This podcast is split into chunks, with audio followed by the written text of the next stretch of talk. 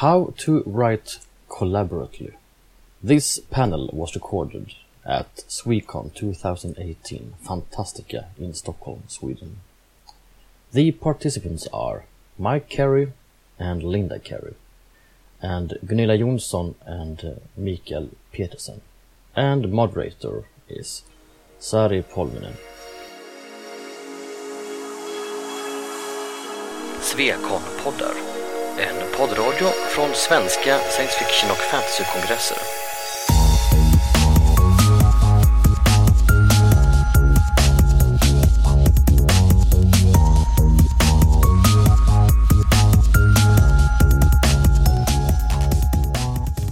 It is about 12 o'clock, so welcome to a panel about collaborative writing. I'm Sari Polvinen. I'm moderating this panel, basically asking questions of people who actually know what they're talking about. And I would like my panel to introduce yourselves, uh, tell us a bit about who you are and your collaborative sort of work, what you've done with each other. And if you start with Linda over there. Okay, I'm Linda Carey. Um, I am married to Mike Carey and have been for more years than I care to remember. 40. Um, thank you, about 40. Um, and um, I've written three YA books about dragons and sorcerers and such like, and two collaborative works with Mike and also with our daughter Louise. Uh, do you want more? No? No? Mikael. All right. I'm Mikael Petersen. I'm Swedish, so I'm speaking English now. I've, On English. together with my wife Gunilla, we have written quite a lot of role-playing games and role-playing game supplements during the years, starting out in the 1980s. Um, we recently written a horror novel, Döden är bara början. Death is just the beginning, coming out in the US actually this later this year as well.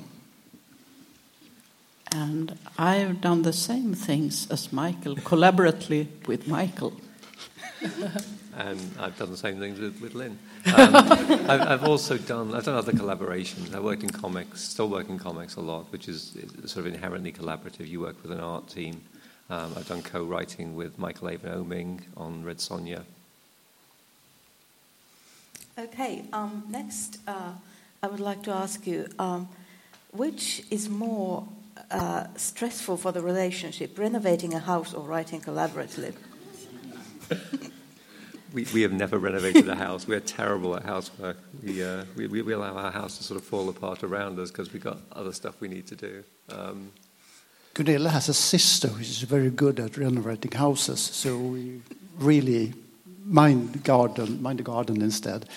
Um, so it's harder to write, I think. It takes longer time. You can't pay anybody else to do it, which you actually can do renovating the house. It, it's that, isn't it? It's the time. Um, writing by yourself is is quick and easy because you're just beholden to nobody but yourself. When you collaborate, you have to talk. Everything is based on good communication. You talk and you talk and you talk. Um, so it takes. Well, it took three times as long for the three of us to write our novels than it did for either of us to write alone. But the upside is you come out of it in a very different place creatively. Yeah, and you have to do it. You, you can't be disturbed. You can't do it with 24 other people in the house, or even your sister renovating your house while writing your book can be quite troublesome. Uh, Linda, how did you fall in into collaborating with? Like, Oh, I can tell this one. Um, Mike had an idea for a particular comic book, and it was a story about um, a sultan who had 365 concubines, one for each day of the year. And then, um, as he is um, in, in, living in this, for him, rather comfortable situation, he is overthrown by a religious zealot who takes over his country but has no use for the concubines and so exiles them to the desert. And the idea was that these women would form a community in the desert and, um, and would then retake their city and form a city of women. And I loved this idea. I said, if it fails, then I want it and I want to write a novel on it. And the comic people inexplicably didn't want it. So I said, Right, it's mine. And Mike said, No, hang on, I want to write this novel. And we said, Well, we'll collaborate. And then while we were discussing what we would do and already realizing that it was going to take a lot longer than we thought, our daughter came in and contributed some really intelligent ideas. And before we knew it, we were a threesome. So that's how it started. Yeah, Lou becoming involved was kind of like the moment when it all clicked, yes. wasn't it? She, she, said you need a different viewpoint character and it ought to be this. Yeah. And she just came up with the idea. And the viewpoint character was a 19 year old girl. Guess how old our daughter was at this time? and it just worked beautifully. And um, she became a very good collaborator. And I think once or twice prevented us from strangling each other. So it worked very well. Uh, Gunilla and Mikael, how did you start writing together? We started out with role playing games in the early 80s, and role playing games are more collaborate works by themselves, so it wasn't so strange for us to work together in our first game called Mutant, a Swedish post post apocalyptic fable with talking bears. And went on from there. You found it a comfortable process. Yeah, we wrote a lot of role playing material over the following 15 years. So we became quite, quite comfortable with working together. But though writing a role playing game, you might have a question about this later. Yes, you have. So yeah, I mean, well, I, there's no reason why you can't talk it now. So it's a different uh, thing than writing a novel, isn't it? So how did your uh, sort of process of writing together change when you started writing a novel together? A lot, actually. Um, totally different, I'd say. Um, role-playing games, we basically wrote parts of and then the editing, pro editing process we did together, fixing it all together, making sure everything worked, everything was, was, was supposed to be, no strange things sneaking in. But writing a novel for us is very, very different. I know. Is this the point where you're supposed to tell how we write novels? Or yes, you yes, may. Yeah, may. Yeah. Um, Gunilla, uh, yeah, like Mike said, we talk and talk and talk and talk some more and walk and walk. We just came back from two weeks in Berlin when we walked and walked and talked and talked. And we haven't even started writing anything down yet. And then we write by hand in notebooks and read aloud to each other to get the dialogue and the rhythm right. And it takes months before we get to the computer for us at least. So we do it by handwriting for several months first. We break down the characters, the characters' relations, the characters' movement through the story. We break down the major story points like who is going to hell and why, and who did what to one, what, what person, and why they did that.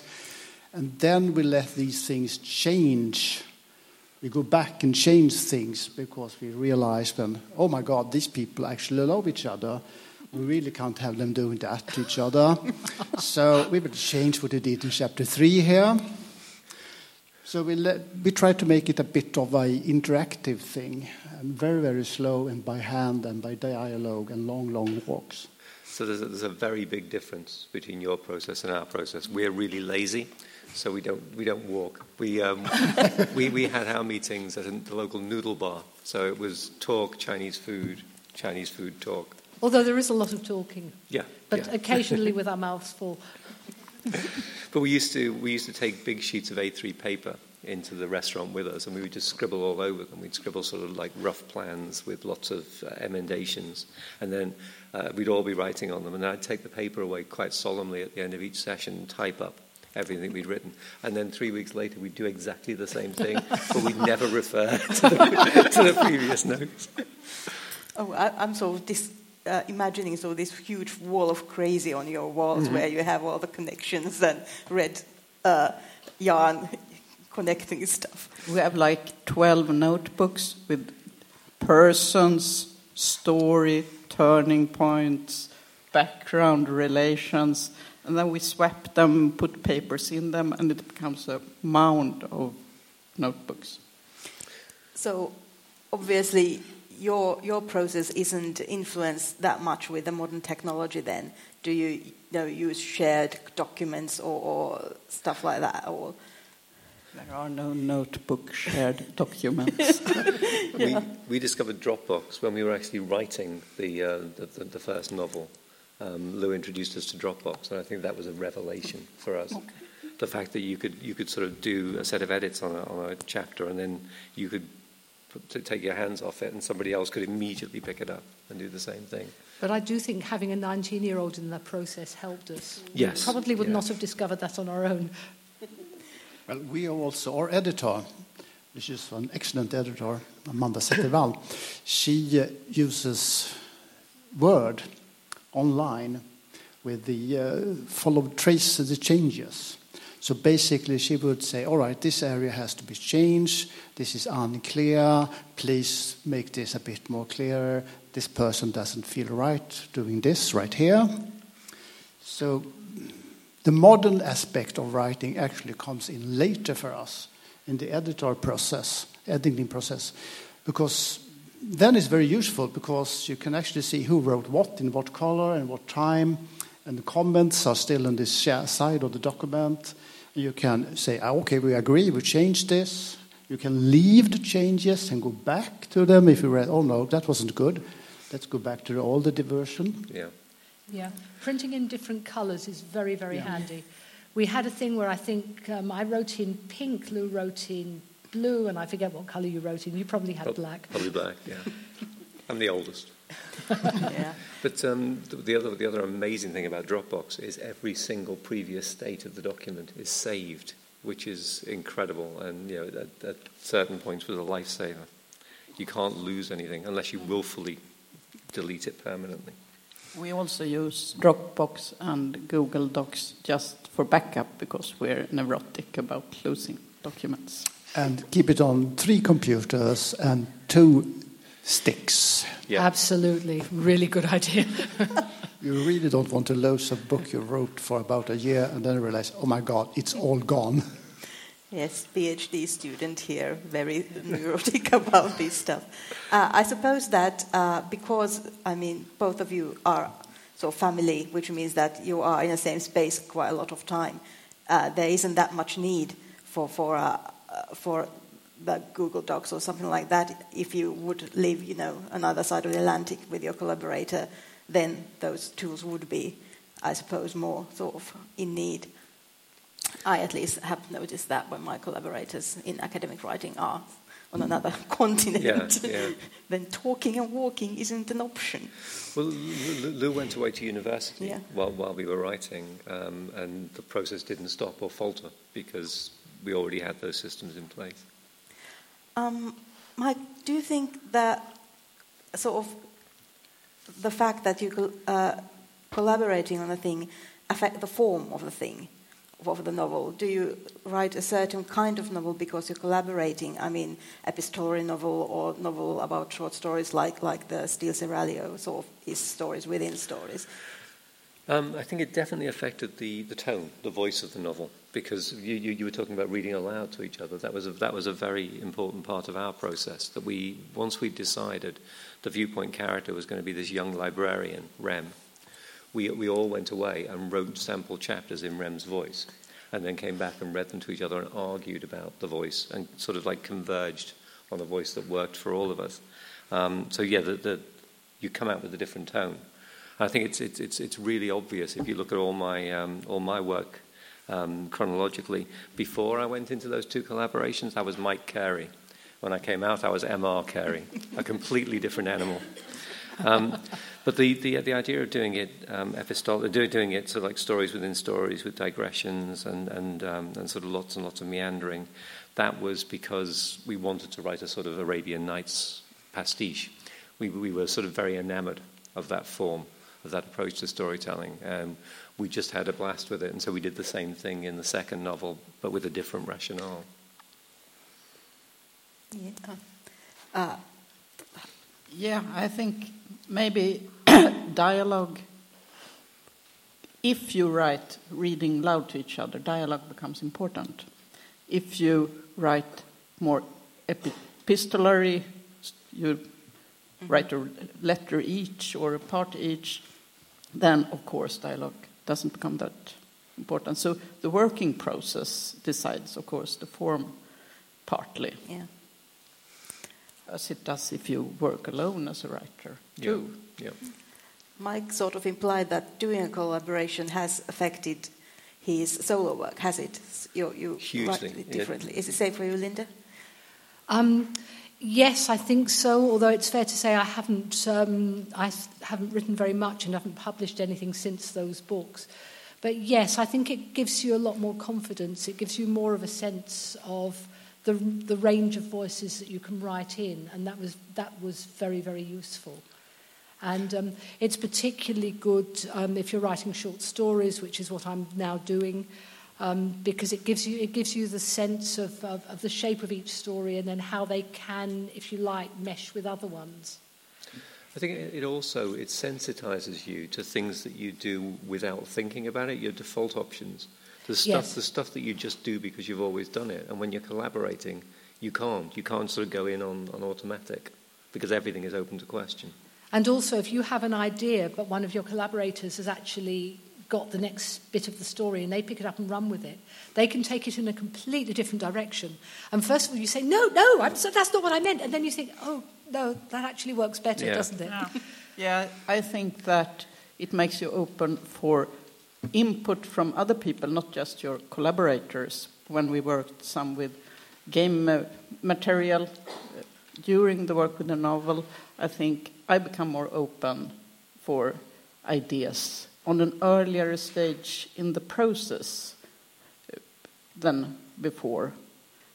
It's not like I have this and now I let you look at it. It's like, oh, I have this idea and I, I'm okay with you jumping in and having ideas at a very early stage in the I, I, used, process. I used to be absolutely neurotic about that. If I talked talked about a story too early, I couldn't write the story. Mm. It kind of like it, it got locked in my head, and I couldn't do anything with it. Whereas now, yeah, I'm much more relaxed about that. It's, Yeah, al- it's also made me more confident in when I'm reading your stuff in saying, nah, don't do it. Doesn't like work. that. Yeah. one one time when I was writing the unwritten, Lynn came up behind me and read the script over my shoulder, and it's This the, is very bad manners. I wouldn't recommend it. It's the, it's the, the, epi- the episode where um, the two children die in the French prison in Donostia. And she read that page and she just went, whack, hit me over the back of the head and walked away.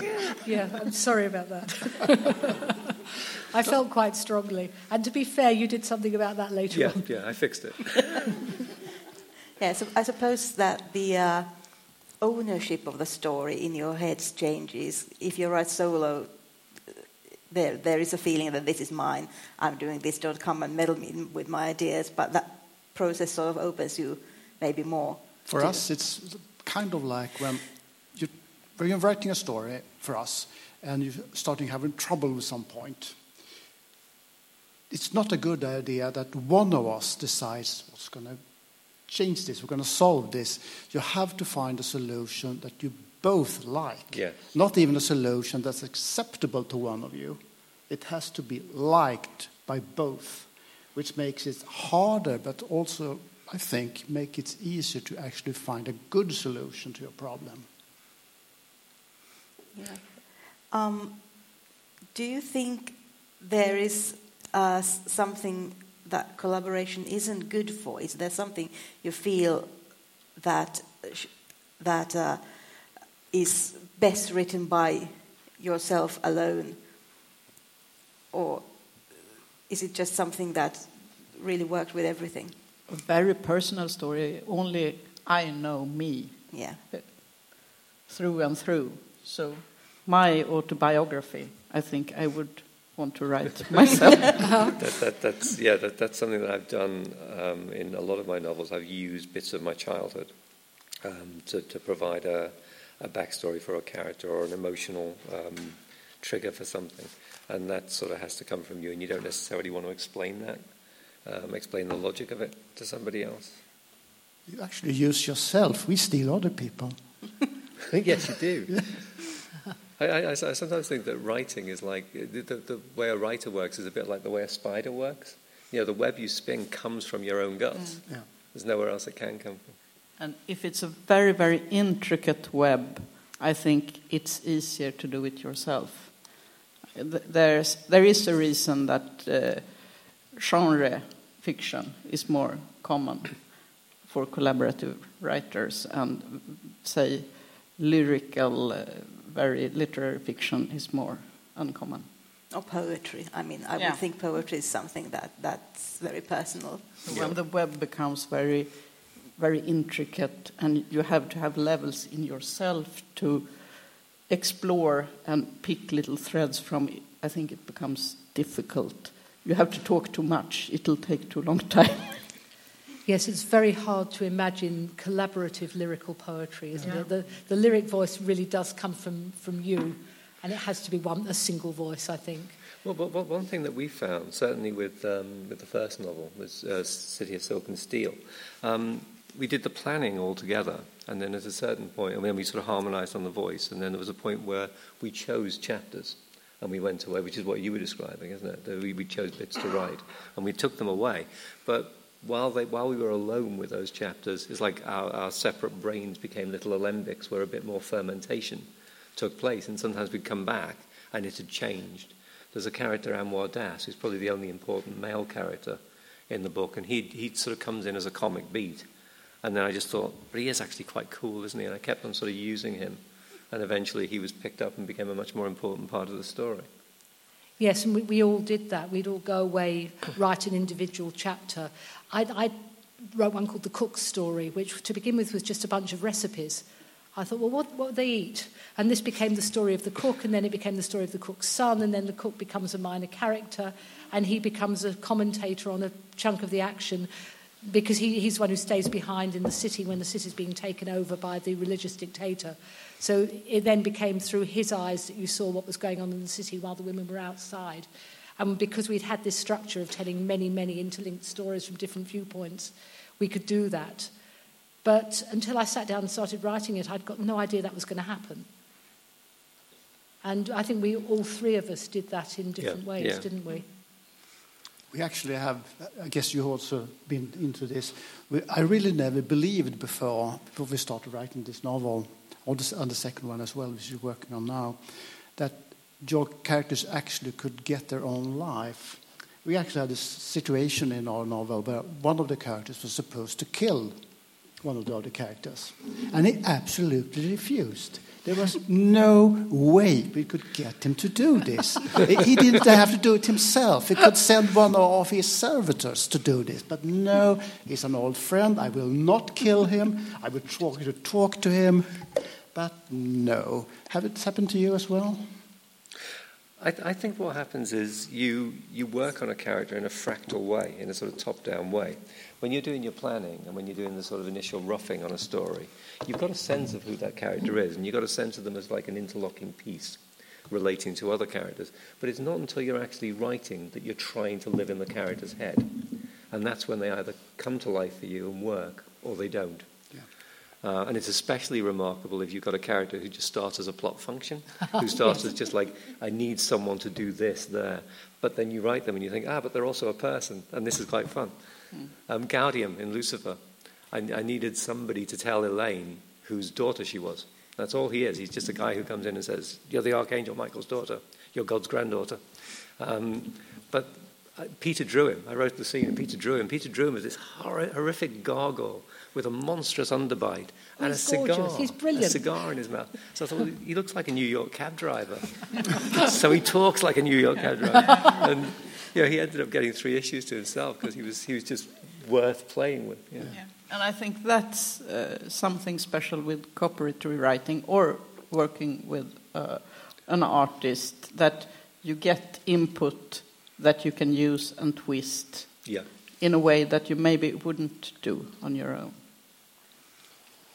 More input sort of into the character. But I would suppose that it also means that that you sort of have to have your collaborators' agreement with the changes within that character when when you're sort of moving it from a function into a proper person.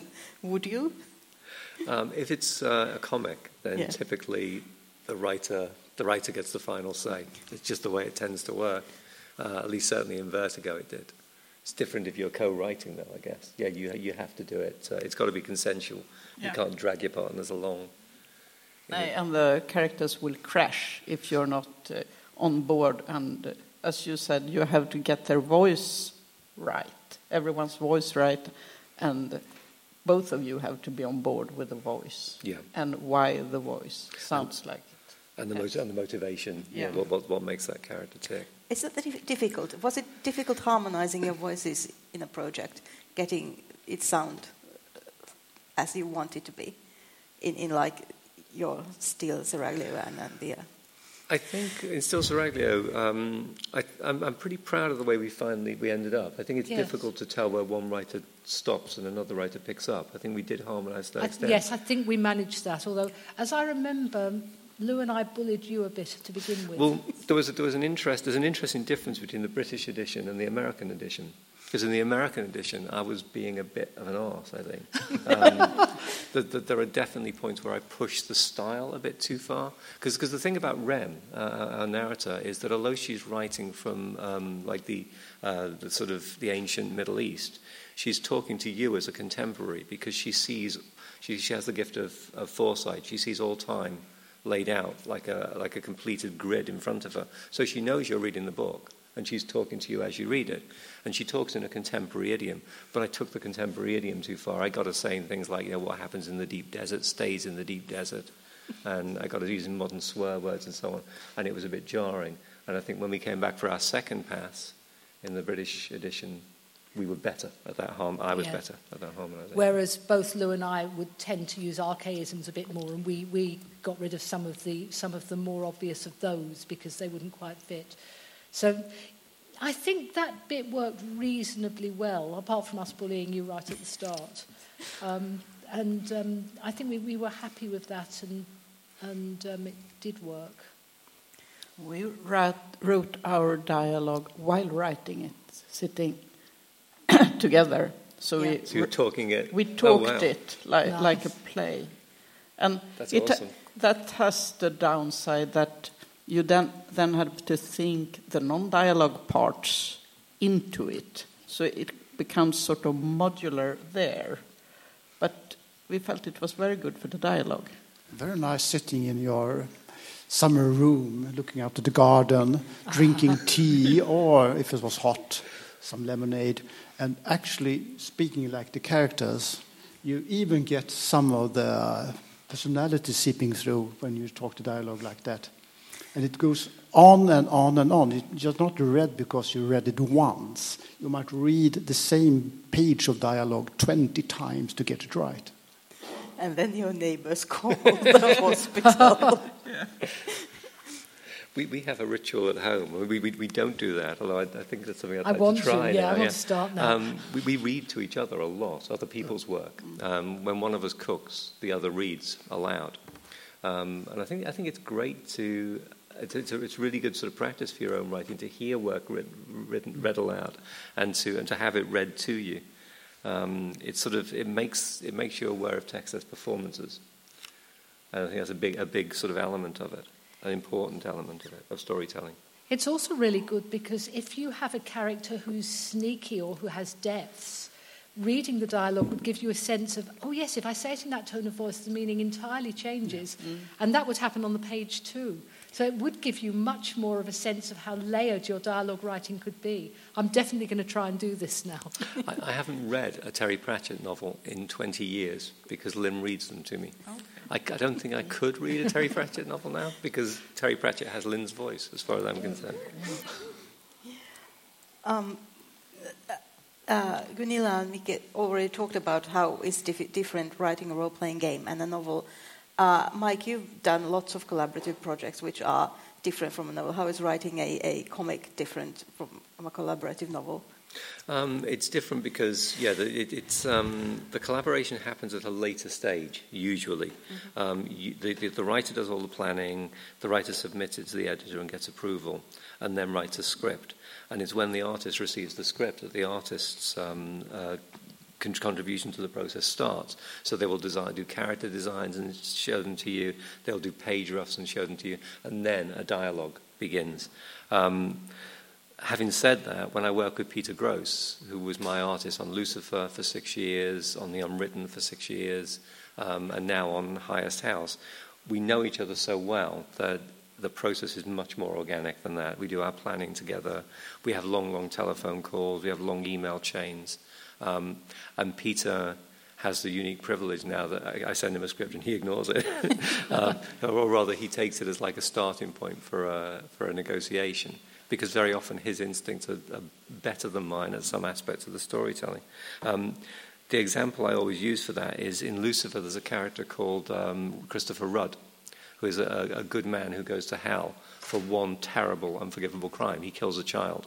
He kills a child in a moment of jealous rage. Um, and I wrote his origin story as a three page sequence, and they were just three ordinary comic pages. They were three pages with five or six panels each. And Peter said, That's not how it works. You know, this, he obsesses on this. He's thinking about this every waking moment of his life. So I'm going to tell the story a hundred times in three pages. And he just broke the pages up into these tiny, tiny panels, repeating the events endlessly. It was, it was amazing. He just really gave you a sense of who the character was and um, where he was coming from. Is there uh, um, the fact that you of Lucifer is uh, uh, from another comic originally? It is a shared universe kind of thing. Does that affect? Yes, very much. Yeah, so, the, so it was a collaboration on that, on that scale as well. So Neil Gaiman, um, who sort of created this version of Lucifer in The Sandman, Neil was creative consultant on Lucifer um, for its whole run. But uh, after about two or three years in, he basically left me to it um, because he said he trusted me. But that was that was amazing. He was a very very generous collaborator. Um, endlessly sort of um, he would give me his time if I needed to go over a story um, arc with him. Um, he would talk me through it. He only ever said no to me twice. Um, once was when I tried to bring the Rose Walker character in from Sandman, and he said if he ever came back to Sandman, that's the story that he would tell. So could I please leave her alone, which I did. Um, and I had death. I gave a line of dialogue to death when Lucifer seemingly dies and wakes up and death is standing over him. He says to her, You don't have any claim on me. And she says, uh, I wouldn't have anywhere to put you anyway. Um, and Neil said, That doesn't work because death doesn't have a realm. All the other endless have realms. Death doesn't. Death takes, takes you. At the moment when your soul parts from your body, death takes you to the next place, wherever that is. But it's important that we never see that place. So he changed that line, and the whole of the rest of the time, he just uh, he just let me do my own thing. Uh, Linda, do you have any other experience collaborating? Mike? Um, no, all my other. Um, I'm a teacher with my other hat on, and all my other collaborations, which are quite many, but they're all in the teaching world. They're all to do with making up um, activities for for children and students of various ages to do. And I don't think they're so relevant in this area. Um, I'm, I'm listening in awe and wonder just at, at hearing of the idea of your characters being turned into images. And the only um, equivalent I've got to that is when I will give out, give to a class of children um, a poem, sometimes which I've written more often, which has been written by a poet, because I, I okay, I work with the poet Keats. I, I work in um, the museum devoted to him, and um, then see the, the wonderful artwork that they produce. And I don't think that's the same thing, sadly. um, I, uh, in the end, I would like to sort of bring up the idea of author in our culture. I mean, from the Romantics on, we've sort of seen an artist as a sort of solitary genius doing his thing. And I think that even, especially in academia, especially uh, literary criticism, there is still a sort of uh, habit of thinking that there must be a singular author. And for example, I just read some uh, article on Beaumont and Fletcher, the 17th uh, century playwrights. And I think half of the academic uh, discussion is on what Fletcher wrote and what Beaumont wrote, and like it's not relevant. but uh, do you sort of feel this ethos still, or, or, or, is it something that is not relevant to your your writing? In comics, as Mike has worked with, and in games, it doesn't really exist in the way it does in literature. It is as is science fiction and fantasy genres, very collaborative worlds of themselves. So I, I think having having lived in this sci- science fiction, fandom culture all your life, at least I am very accustomed to the idea that we work with shared worlds and shared ideas. The, the, the, place where it does inexplicably persist is movies. People, people still persist in seeing movie directors as lonely auteurs. Have, having worked on exactly one movie now, which is Girl with All the Gifts, the, the, the movie adaptation of um, my novel. I mean, I, I, it's definitely, you know, it's Colm's vision, the director's vision, but it's also my vision because I, I, wrote the screenplay. The producer, Camille Gatin, was involved in all of the, the planning the, the, the designers, um, the cinematographer, you see how all of those things layer in and how they come in at different stages of the process. The idea that the director like births the brain in his or her own, sorry, births, births the tale in his or her own mind and then brings it out into the world by some colossal effort is quite ludicrous and quite insulting, I think, to a great many people. And then you have the, all these names on the screen. Uh, post the movie, these 455 people were part of the creative process. um, it's, it's, I don't know if you've seen the movie Dead, Deadpool. Yeah. The, the, the, title sequence there, you know, written by the real heroes here, directed by some overpaid asshole. But I'd, I'd, want to add that almost any really great novel is already a collaborative work because there is because if it is a great novel, there is probably a very good editor who has been involved in that. Yeah. And if I can be a bit rude here, the great J.K. Rowling's could really have done with a good editor in some of her later books. Who was the? I, Sorry then.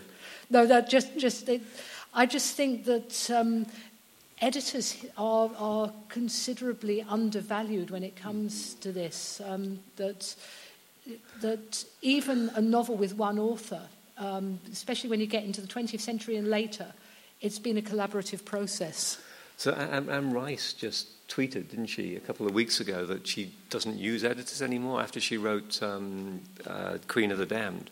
She basically turned to her editor and said, "You know, I don't need you to, to sort of look at the text and, and, give me notes on the text. You can be my mentor in a sort of generalized, sort of dreamy, vague kind of way, which is horrendous. I mean, it's, it's horrible for us. Our editor, Amanda Amanda Zettervall, was excellent. And we actually were stupid enough to think that the book were almost finished when we delivered it to the publisher. no, that's just start of the process of actually making a publishable book. We spent three months, which is not a, an abnormally long time, but a rather normal time for editing a novel. Three months with her, and she changed the book for the better in so many ways. You actually need an editor. It's absolutely necessary. She brings out, he or she brings out the best in the books. She makes you see your mistakes and how you change them. So if you're ever going to publish a book, make sure you have an editor. It's like it's a parallax thing, isn't it? If you close one eye and throw a ball into the air, you're not going to catch the ball. you, you, your editor gives you the, the, the, blessing of parallax, a different, a different view yeah. on, on your work. Yeah. Uh, any questions from the audience? We have a few minutes' time. Anyone in the audience? right, writing collaborative? yeah. Well, well, can you give us tips if you want to start writing a collaborative effort? What should you take into account? Chinese food. walk, walk, walk. eat, walk eat, eat. and talk. As a really, really, really, the talking is necessary. If you yeah. don't talk, you can't write together. It's absolutely necessary. It's probably all right to talk on the phone, but I really think you have to hear the voice of the people you're talking to. I don't think it actually works quite as well with email because all the nuisances out of the voice and the, actually the body language gets lost. So yeah. walk and talk for us and sit down and drink tea and talk and talk and write things down and be very much prepared to change things because a lot will have to go. And don't fire your editor. No. and don't fire your partner either. No, if it all if it all gets too much, go into the kitchen, make a cup of tea, think about it for a bit, come back. Mm. Things Tea. look a lot better. I'm British. Things look a lot better after a cup of tea. Yes. But what happens on the rare occasion when the col- you and a collaborator do not agree on one? What happens when the collaborators do not agree? Was the question. You have to find a common ground some way, or the project will collapse. This, this is where it was helpful being a three rather than a two. Because in the second book, particularly, Lou was, was off getting a degree or something frivolous like that. so she wasn't able to do as much of the actual writing on the first draft. But what she did do brilliantly was uh, go through and harmonize. She did a draft that kind of like took all of the best bits and put them together and took away all of the dross. She was our first editor, and on places where Mike and I disagreed, I think there were a couple of places where She- we actually we gave her the, the casting vote, Yeah. and then we abided by it. And luckily, she came down on my side as about as much as she came down on Mike's side. So we, yeah, we agreed, and we're still married. Yes, over there. How do you work around writer's block? Talk, talk, talk. Walk, walk, walk. I, I, It's I, easier when Scream, scream. It's easier when there are three of you because only one of us has writer's block at any one time normally.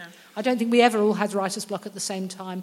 And Mike, being a consummate professional, never gets writer's block anyway. Well, what, what I do is I, At least he I- claims not. I, I have I have really good days and really bad days. On the really good days, I'll just write like a bat out of hell and never stop. And on the bad days, I'll spend half the day looking out of the window or playing Sonic the Hedgehog or, or following stupid um, clickbait chains on the internet. And I used to feel really, really guilty about that. And at a certain point, about 10 years ago, I realized it's part of the process. Distraction is part of the process. It's how your brain heals when you get the block. It takes you somewhere else. And somewhere else, somewhere in your brain, there's a little subroutine that's still thinking about the story. And then at a certain point, it reports in and you can get back to it. Just avoid going into distractions that will uh, capture you, like uh, World of Warcraft or something like that. Yeah, we had to totally drop all our online gaming. We used to play quite a lot of uh, MMORPGs on the net, but they all had to go. Basically, if you write, that's all you do. There is only hard work and more hard work. Like Stephen King said, I think 90% of inspiration is perspiration. Okay, we're out of time. Thank you, panelists. Thank you, audience. I hope you enjoyed it. Thank you, Zari. Thank you.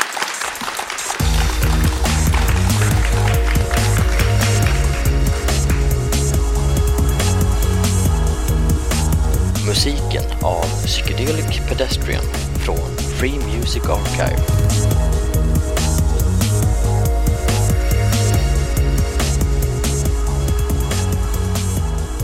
Besök gärna vår hemsida på svekonpoddar.se